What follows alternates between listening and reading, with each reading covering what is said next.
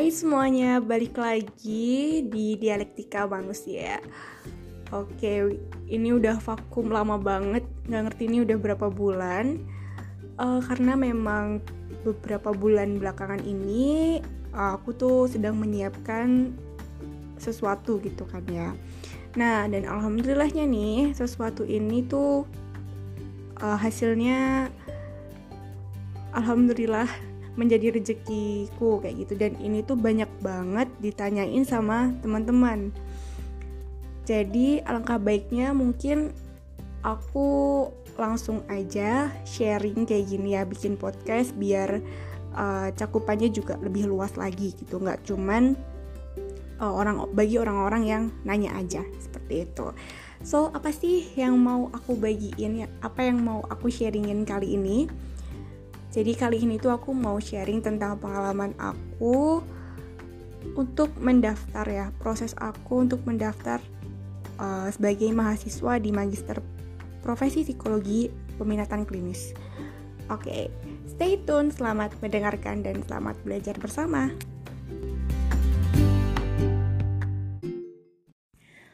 Oke, okay, kalau buat pengalaman aku ikut ujian seleksi MAPRO sebenarnya udah aku tulis teman-teman di blog aku. Nah, mungkin bisa dibaca dulu di Novia Aurora ayat yang belakang itu dua gitu. Jadi Novia Aurora A .blogspot.com judulnya kalau nggak salah pengalaman mengikuti seleksi ujian masuk Magister Profesi Psikologi Klinis UGM atau Universitas Gajah Mada. Nah, buat podcast kali ini aku mau cerita tentang pengalamanku sendiri sih. Maksudnya pengalaman secara personal. Kalau di blog aku itu kan intinya kayak apa sih hal-hal yang perlu dipertimbangkan gitu sebelum kita mau mendaftar ke Mapro apalagi peminat, peminatan klinis gitu kan. Dan juga eh, hal-hal yang berbau administrasi itu udah ada di blog aku. Nah sekarang di podcast ini aku akan lebih banyak cerita tentang apa ya tentang pengalaman pribadi aku sendiri sih. Dan juga mau menjawab uh, pertanyaan-pertanyaan dari teman-teman yang kemarin aku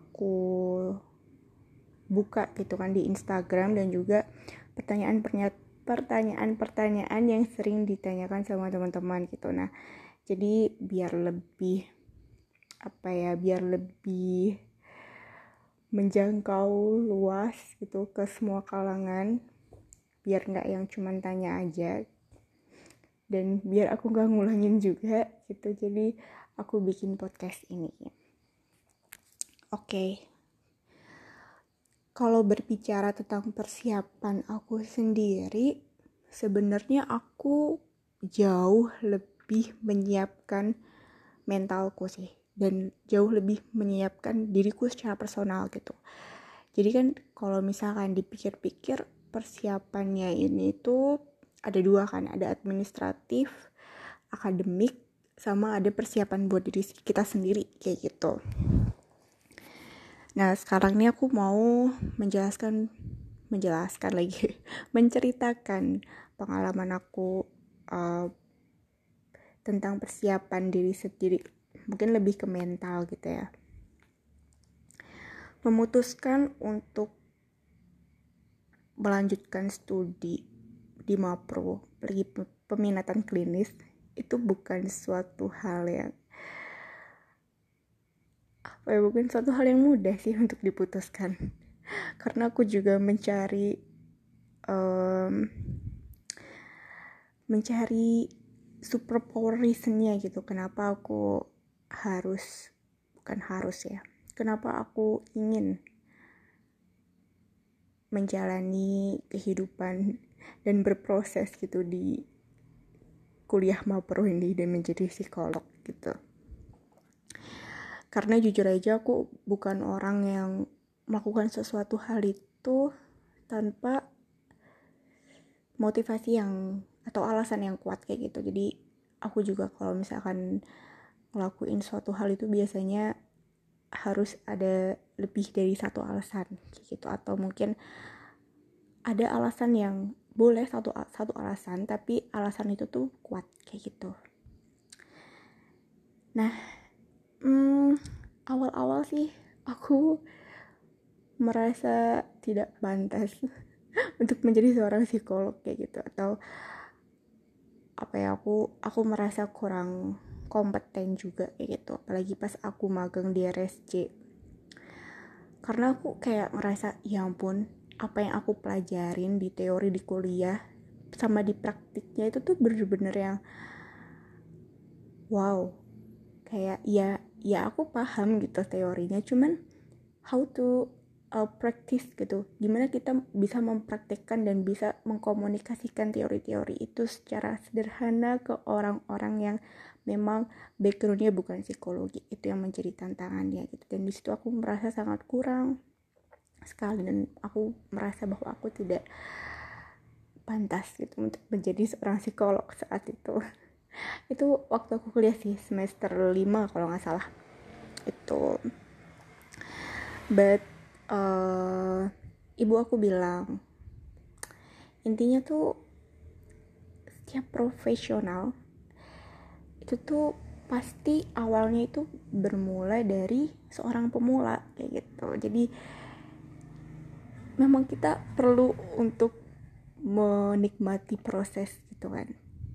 Aku merasa seperti tidak pantas seperti itu ya wajar aja gitu. Karena memang apa ya belum belajar maksimal kan belum belajar optimal gitu untuk bisa menjadi seorang psikolog. Jadi aku merasa tidak pantas ya memang karena aku belum mm, belajar lebih banyak kayak gitu. Nah dari apa ya dari perasaan aku merasa nggak pantas ini justru makin bikin aku oh iya berarti aku perlu nih belajar buat gimana menyampaikan teori-teori itu ke orang-orang yang memang backgroundnya bukan psikologi gitu. Jadi menyampaikan dengan cara-cara yang sederhana dengan bahasa-bahasa yang sederhana kayak gitu. Itu insight yang aku dapat sih teman-teman.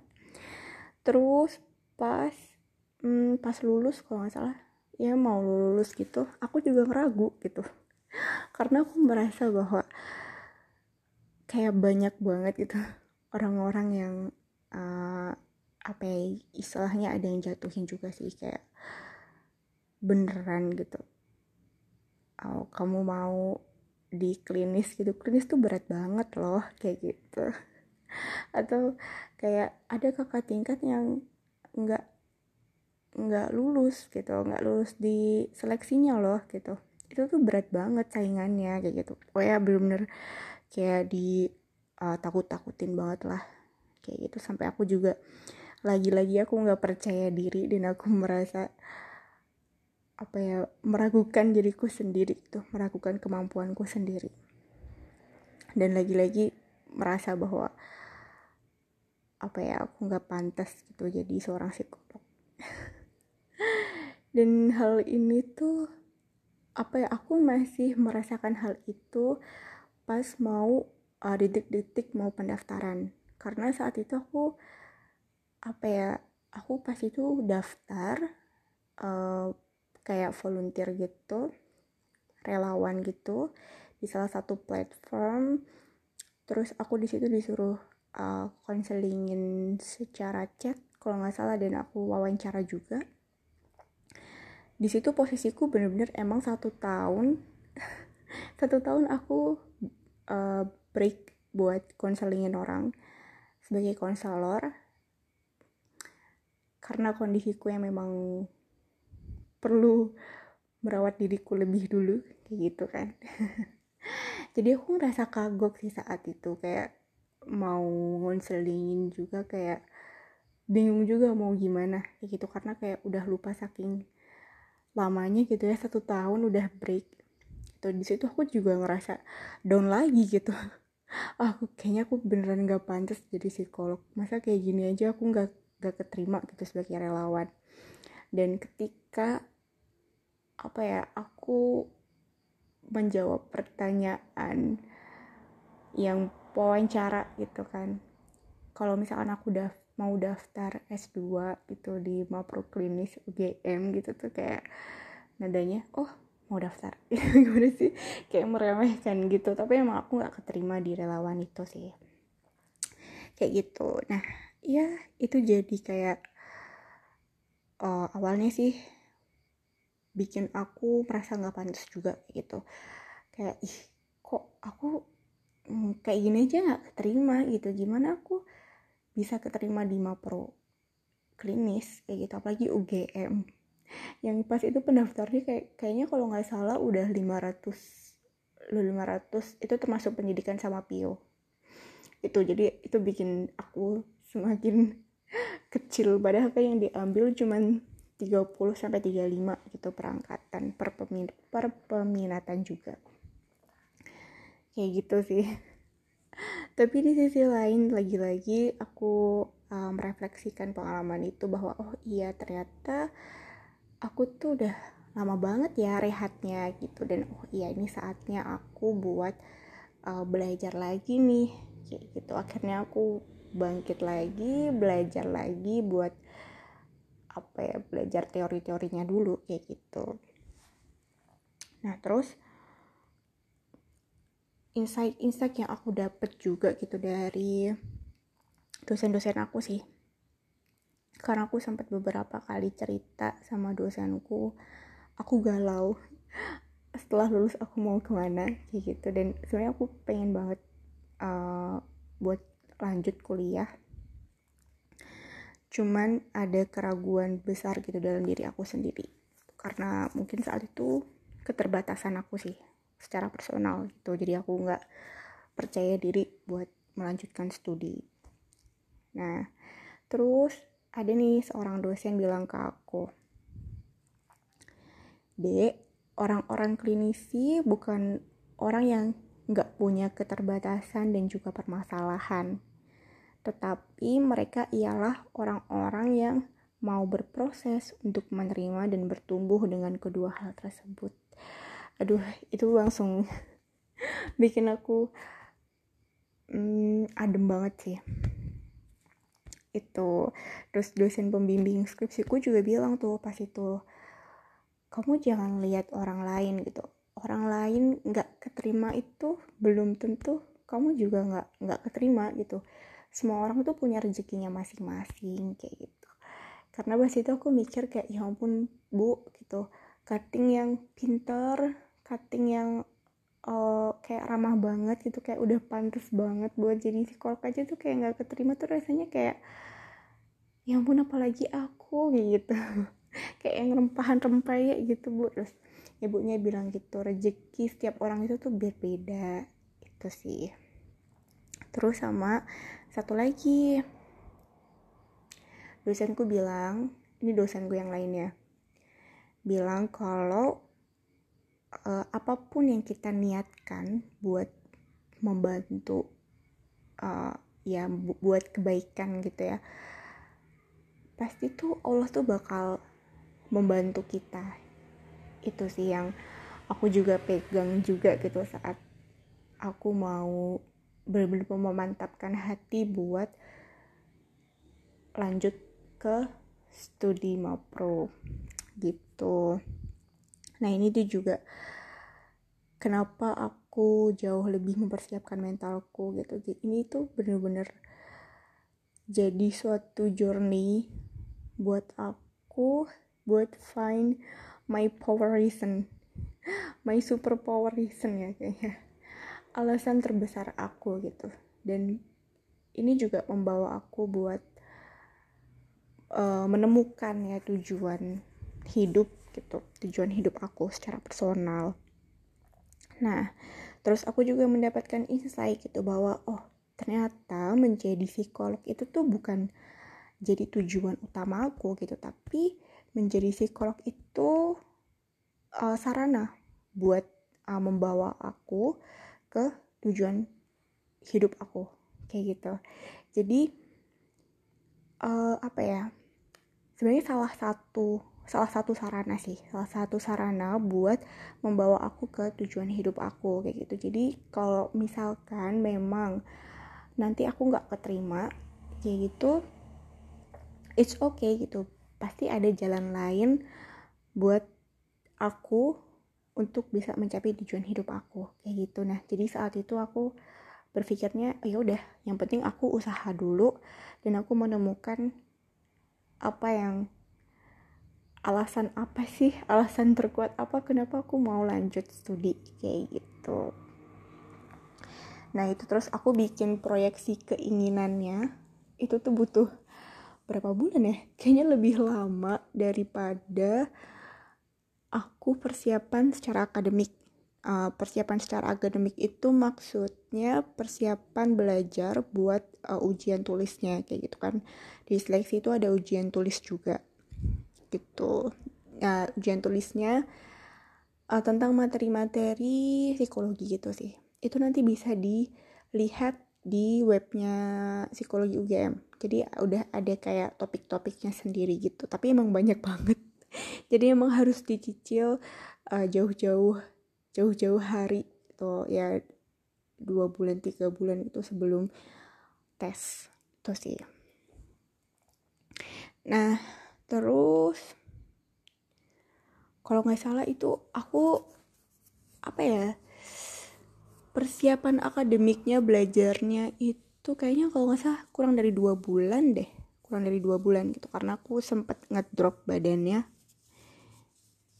Dan itu pun aku juga belajarnya nggak terlalu yang ini banget. Maksudnya nggak terlalu yang tiap hari gitu belajar baca buku itu enggak gitu. tapi yang penting sih kalau tips dari aku yang penting um, maintenance apa ya maintenance tuh apa tuh rawat diri kalian sendiri uh, sampai apa ya kondisi kalian tuh bener-bener fit gitu bisa efektif gitu buat belajar. Dan belajarnya itu nggak perlu ngafal tapi kayak kita memahami itu sih yang yang aku tangkep ketika belajar. Dan santai aja gitu yang penting kalian paham. Tuh. Nah terus ini aku mau jawabin pertanyaan dari teman-teman. Ini yang pertama apa nih? Uh, ada proposal tesis nggak buat mapro di UGM nah kalau di UGM sendiri persyaratannya itu nggak ada tesis kalau buat mapro tapi kalau buat uh, magister science buat mapsi itu ada tesisnya ada proposal tesisnya maksud aku tapi uh, teman-teman juga perlu buat menyiapkan judul tesis karena itu nanti bakal dicantumkan di proyeksi keinginan. Kayak gitu. Nah, terus ini yang kedua, pengumuman di UGM itu di akhir ya, Kak. Uh, jadi tiap orang dikasih kesempatan buat ikut seleksi administrasi sampai wawancara.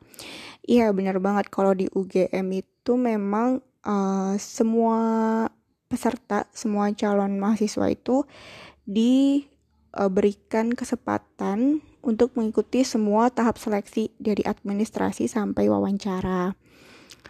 Kalau misalkan nggak daring, itu tuh kayaknya ada administrasi, itu yang persyaratan tentang yang ada TPA TOEFL kayak gitu. Terus ada LGD, ujian tulis sama wawancara. Itu sih. Tapi kalau kemarin pas yang ujiannya daring itu cuman ada administrasi ujian tulis. Uh, ujian tulisnya tapi beraneka ragam. Sama wawancara itu sih. Itu terus kalau misalkan yang di uh, universitas lain aku nggak tahu gimana tahapannya. Cuman mungkin ada juga yang kayak uh, dia itu tes bahasa Inggris sama tes potensi akademiknya memang disediakan dari univ itu. Kayak gitu. Jadi nggak kayak UGM kalau UGM kan uh, kita apa ikut tes sendiri kan cari TOEFL sendiri cari uh, TPA sendiri kayak gitu. Nah terus ini banyak juga nih yang nanya seputar skor TPA sama TOEFL.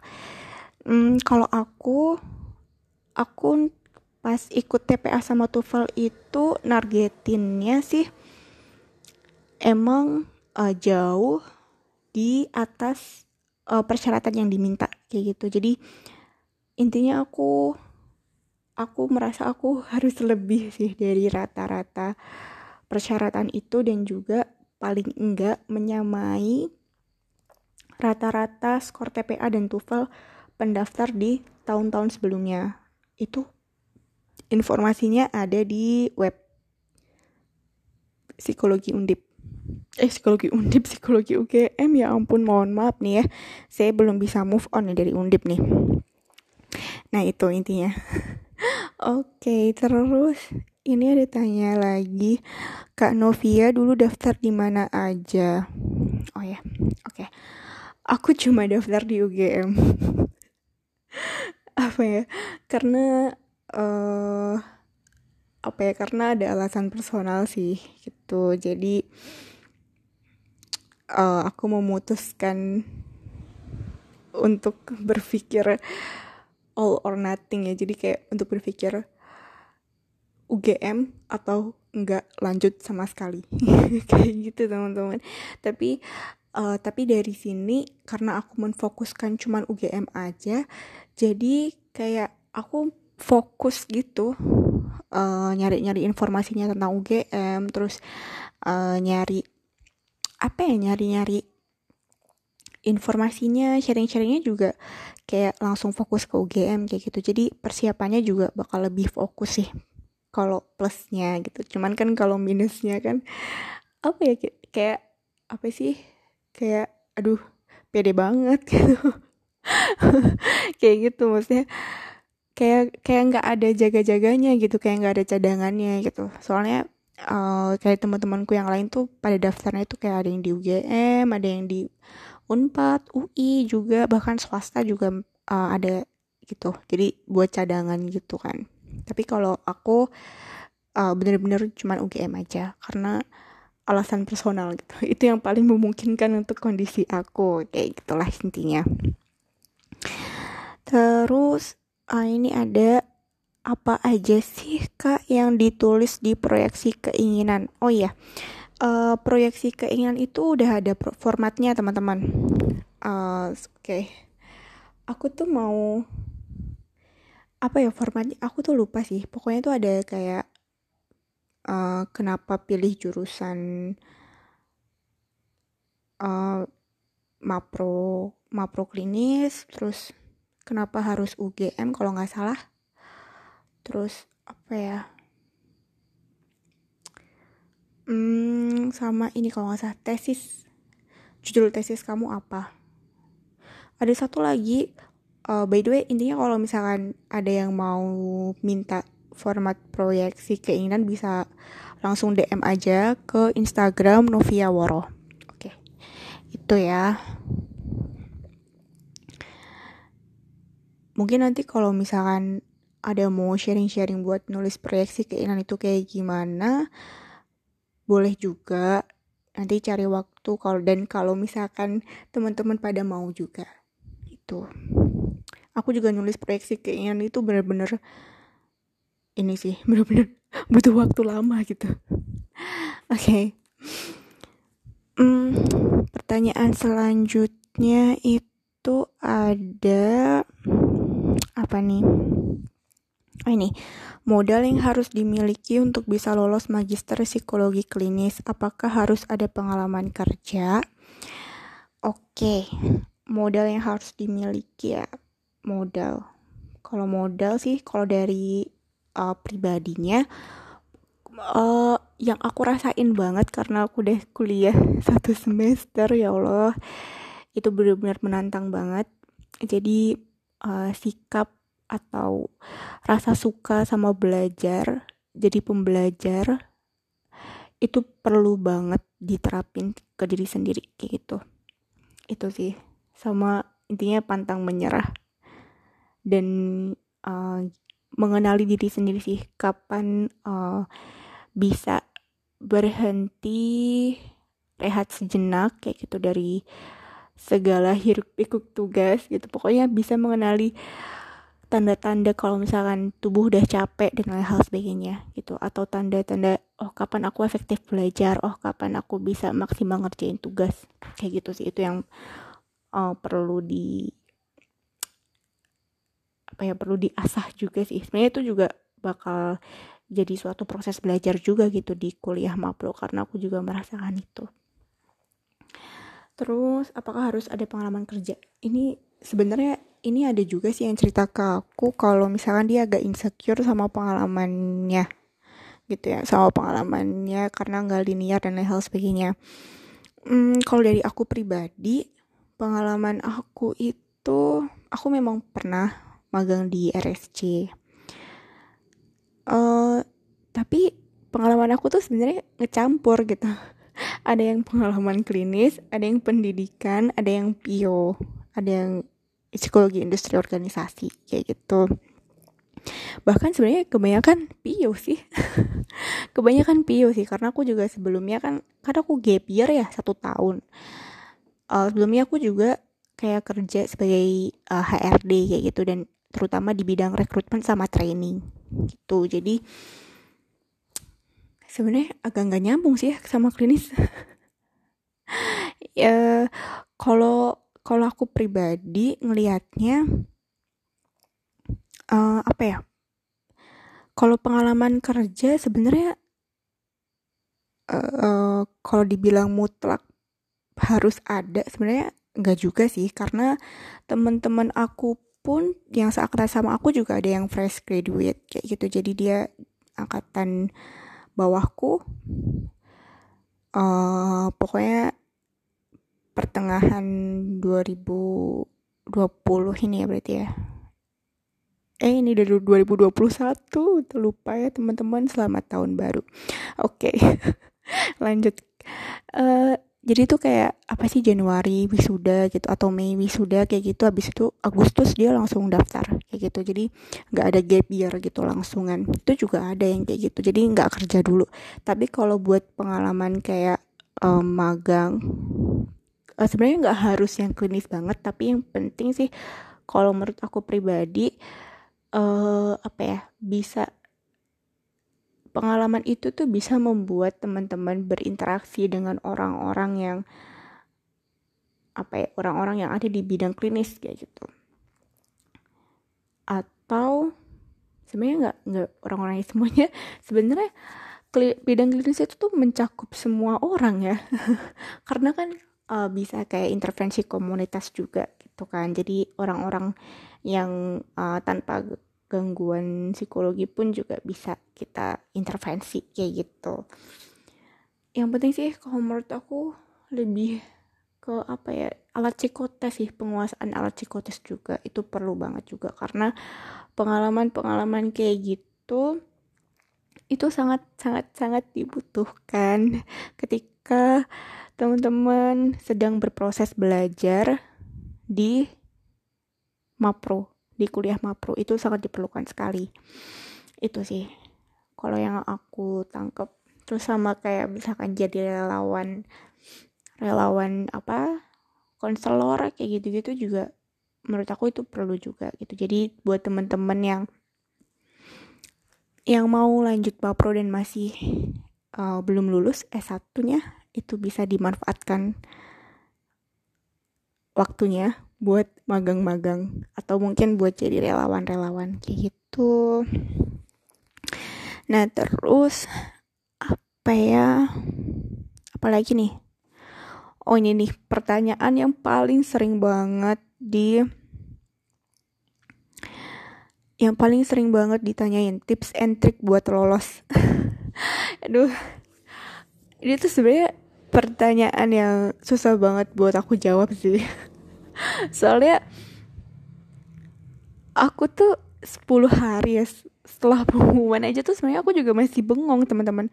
Dari bener setelah pengumuman tuh aku cuma bisa bengong setiap malam kayak terus habis itu lihat uh, ngecek pengumuman terus kayak eh beneran ya aku keterima ya? Eh beneran ya aku keterima ya? Kayak gitu. Dan itu bener-bener aku bengong ya ampun 10 hari gitu uh, karena saking gak percayanya karena pas itu tuh bener-bener udah yang aduh gimana ya udah yang pesimis juga sih. Karena kayak diceritain orang-orang yang diterima itu tuh orang-orang yang udah dapat beasiswa udah udah yang kerja. Tapi emang bener emang bener gitu. Teman-teman aku juga udah banyak yang kerja terus uh, udah apa ya kayak affiliate affiliate apa ya kayak kerja sama gitu loh. Jadi itu kayak tugas belajar gitu buat S2 lanjutin S2 sama uh, apa sih sama ada yang dapat LPDP kayak gitu-gitu kan beasiswa. Itu juga banyak kayak gitu. Tapi apa itu nggak nggak nggak menutup kemungkinan sih. Buat kita bisa masuk kalau itu rezeki kita insya Allah pasti apa pun yang terjadi semenantang apa pun ujian tulisnya seberapa banyak pun saingannya pasti kalau itu jadi rezeki teman-teman itu pasti takdir yang akan dijalani teman-teman juga. Itu sih. Ya. Oke kita balik lagi. Nah itu kan aku jadi 10 hari setelah pengumuman tuh bengong. Bahkan uh, saat pra profesi gitu sebelum kuliah Jadi ada kayak pembekalan gitu Itu pun aku juga masih bengong kayak bengong heran aja gitu kenapa aku bisa keterima? Gitu. Apalagi pas ngelihat kayak orang-orangnya wah keren wah keren wah dia udah banyak pengalamannya wah aku minder banget nih wah aku pengalaman aku sedikit banget nih dan hal sebagainya kayak gitu. Wah ini pinter banget kayak gitu gitu cuman apa ya kayak uh, ya aku juga minder sih di awal-awal itu. Itu hal yang wajar terjadi karena kan itu di lingkungan baru kan. Gimana kita bisa menyesuaikan diri dan bisa fit in ke lingkungan itu dan mengeluarkan apa yang menjadi kemampuan kita. Itu emang perlu proses. Uh, di awal-awal kuliah pun aku juga kayak selalu berusaha buat menyadarkan diri kalau sekarang tuh oh iya aku tuh udah berproses gitu menjadi seorang psikolog. Oh iya aku udah jadi mahasiswa mapro klinis. Oke okay. gimana caranya aku bisa tetap belajar itu sih. Apa ya? Apa kalau ditanyain tips and trick tuh aku bingung tau. Intinya berusaha sih. Berusaha semaksimal mungkin apa yang kamu bisa lakukan itu tuh dilakukan gitu. Tapi apa ya? Kayak nggak harus yang sampai bener-bener yang kayak jadi mengorbankan diri kamu sendiri kayak gitu. Jadi kamu berjuang tapi kamu juga memperhatikan gitu merawat diri sendiri juga. Jangan sampai kayak apa ya jangan sampai kayak kita tuh nggak sayang sama diri kita sendiri. Karena self compassion ya namanya. Kalau di psikologi sayang sama diri kita sendiri tuh sangat sangat sangat diperlukan ketika kita berproses di kuliah mapro itu sih jadi kita juga berjuang tapi kita juga merawat diri kita sendiri. Kayak gitu. Dan intinya kalau aku sih uh, berdoa. Nah bu mungkin buat yang muslim ini bisa di apa ya bisa dilakuin ya. Uh, aku waktu itu aku solawat sih. Solawat aku solawat uh, setiap hari tuh kalau nggak salah aku mengusahakan 100 tapi emang nggak nggak selalu 100 setiap harinya gitu. Um, terus sama aku ini sih baca apa ya alma alma surat. Alma surat pagi dan sore. Terus aku baca juga uh, ini baca surat al-waqiah setelah subuh. Ar-rahman Ar-Rahman setelah zuhur atau asar sama al-mulk al-mulk ya sebelum tidur itu sih. Tapi sebenarnya aku nggak nggak terlalu yang apa ya kayak harus hmm, harus harus netep kayak gitu. Kalau misalkan aku kayak sibuk seharian gitu aku biasanya uh, aku tumpuk di malam hari misalkan ya, tapi kalau al-waqiah aku selalu baca setelah subuh itu itu wajib sih kalau aku. Sebenarnya al waqiah aja nggak apa-apa sih. Itu setelah subuh sama solawat sama al maksurat itu sih kalau aku berdoanya itu. Terus intinya apa ya? Intinya sih aku berdoanya kayak ya Allah kayak nggak nggak bukan yang semoga aku lolos gitu. Enggak tapi intinya tuh kayak yang terbaik aja buat aku dan buat semua orang. Karena kan posisi itu tuh apa ya diinginkan banyak orang gitu dan dunia itu nggak berputar cuma di kita doang kayak gitu. Jadi aku berdoanya yang terbaik aja. Kalau misalkan memang engkau ridho saya di jalan ini ya Allah maka ya Allah uh, berikan hamba kekuatan untuk menjalaninya gitu. Tapi kalau misalkan memang ini bukan jalan yang engkau ridhoi untuk hamba ya Allah, maka ya Allah tunjukilah hamba jalan lain yang membawa hamba kepada tujuan hamba dan berikan kelapangan dada pada hamba. Itu sih intinya kalau misalkan lolos diberikan kekuatan, kalau misalkan gak lolos diberikan kelapangan dan diberikan petunjuk jalan yang lain itu sih berdoanya kalau aku sih itu terus mungkin sama tambahan lagi sih uh, kayak apa ya semacam membayangkan dirimu sendiri sih. Membayangkan diri sendiri uh, jadi seorang psikolog kamu mau seperti apa? Itu sih yang aku selalu bayangkan. Jadi kayak apa ya kayak jadi sugesti sih sebenarnya itu oh ya mungkin tambahan juga. Jadi di proyeksi keinginan itu juga ada hal-hal apa yang mau dilakukan setelah lulus kuliah nanti gitu. Jadi itu juga perlu dipikirkan ya teman-teman. Itu sih cerita aku dan kayaknya udah menjawab semua pertanyaan deh. Coba aku cek dulu. Iya udah udah semua. Oke semoga bermanfaat uh, mungkin kalau tadi aku tawaran yang proyeksi keinginan kalau misalkan ada teman-teman yang mau sharing-sharing juga nanti bisa DM aku ke Novia Waro atau nanti aku sekalian bikin uh, sesi sharing gitu kali ya buat teman-teman yang masih mau bertanya-tanya. Atau mau curhat juga. Ya is oke okay, aku terbuka aja. Oke okay, makasih banyak udah mau dengerin. Ya Allah ini tuh udah wow hampir hampir ha, 36 ya oke okay. oke okay, segitu aja teman-teman sharing-sharing dari aku semoga bermanfaat uh, dan kalau ada yang mau ditanyakan silahkan just feel free to ask me oke okay. semangat keep going buat persiapannya dan semoga Allah meridhoi apa yang memang diniatkan sama teman-teman. Dan semoga Allah men apa ya memberikan teman-teman hasil yang terbaik atas usaha teman-teman. Semangat selamat bertumbuh dan semangat menemukan super power reason. Dadah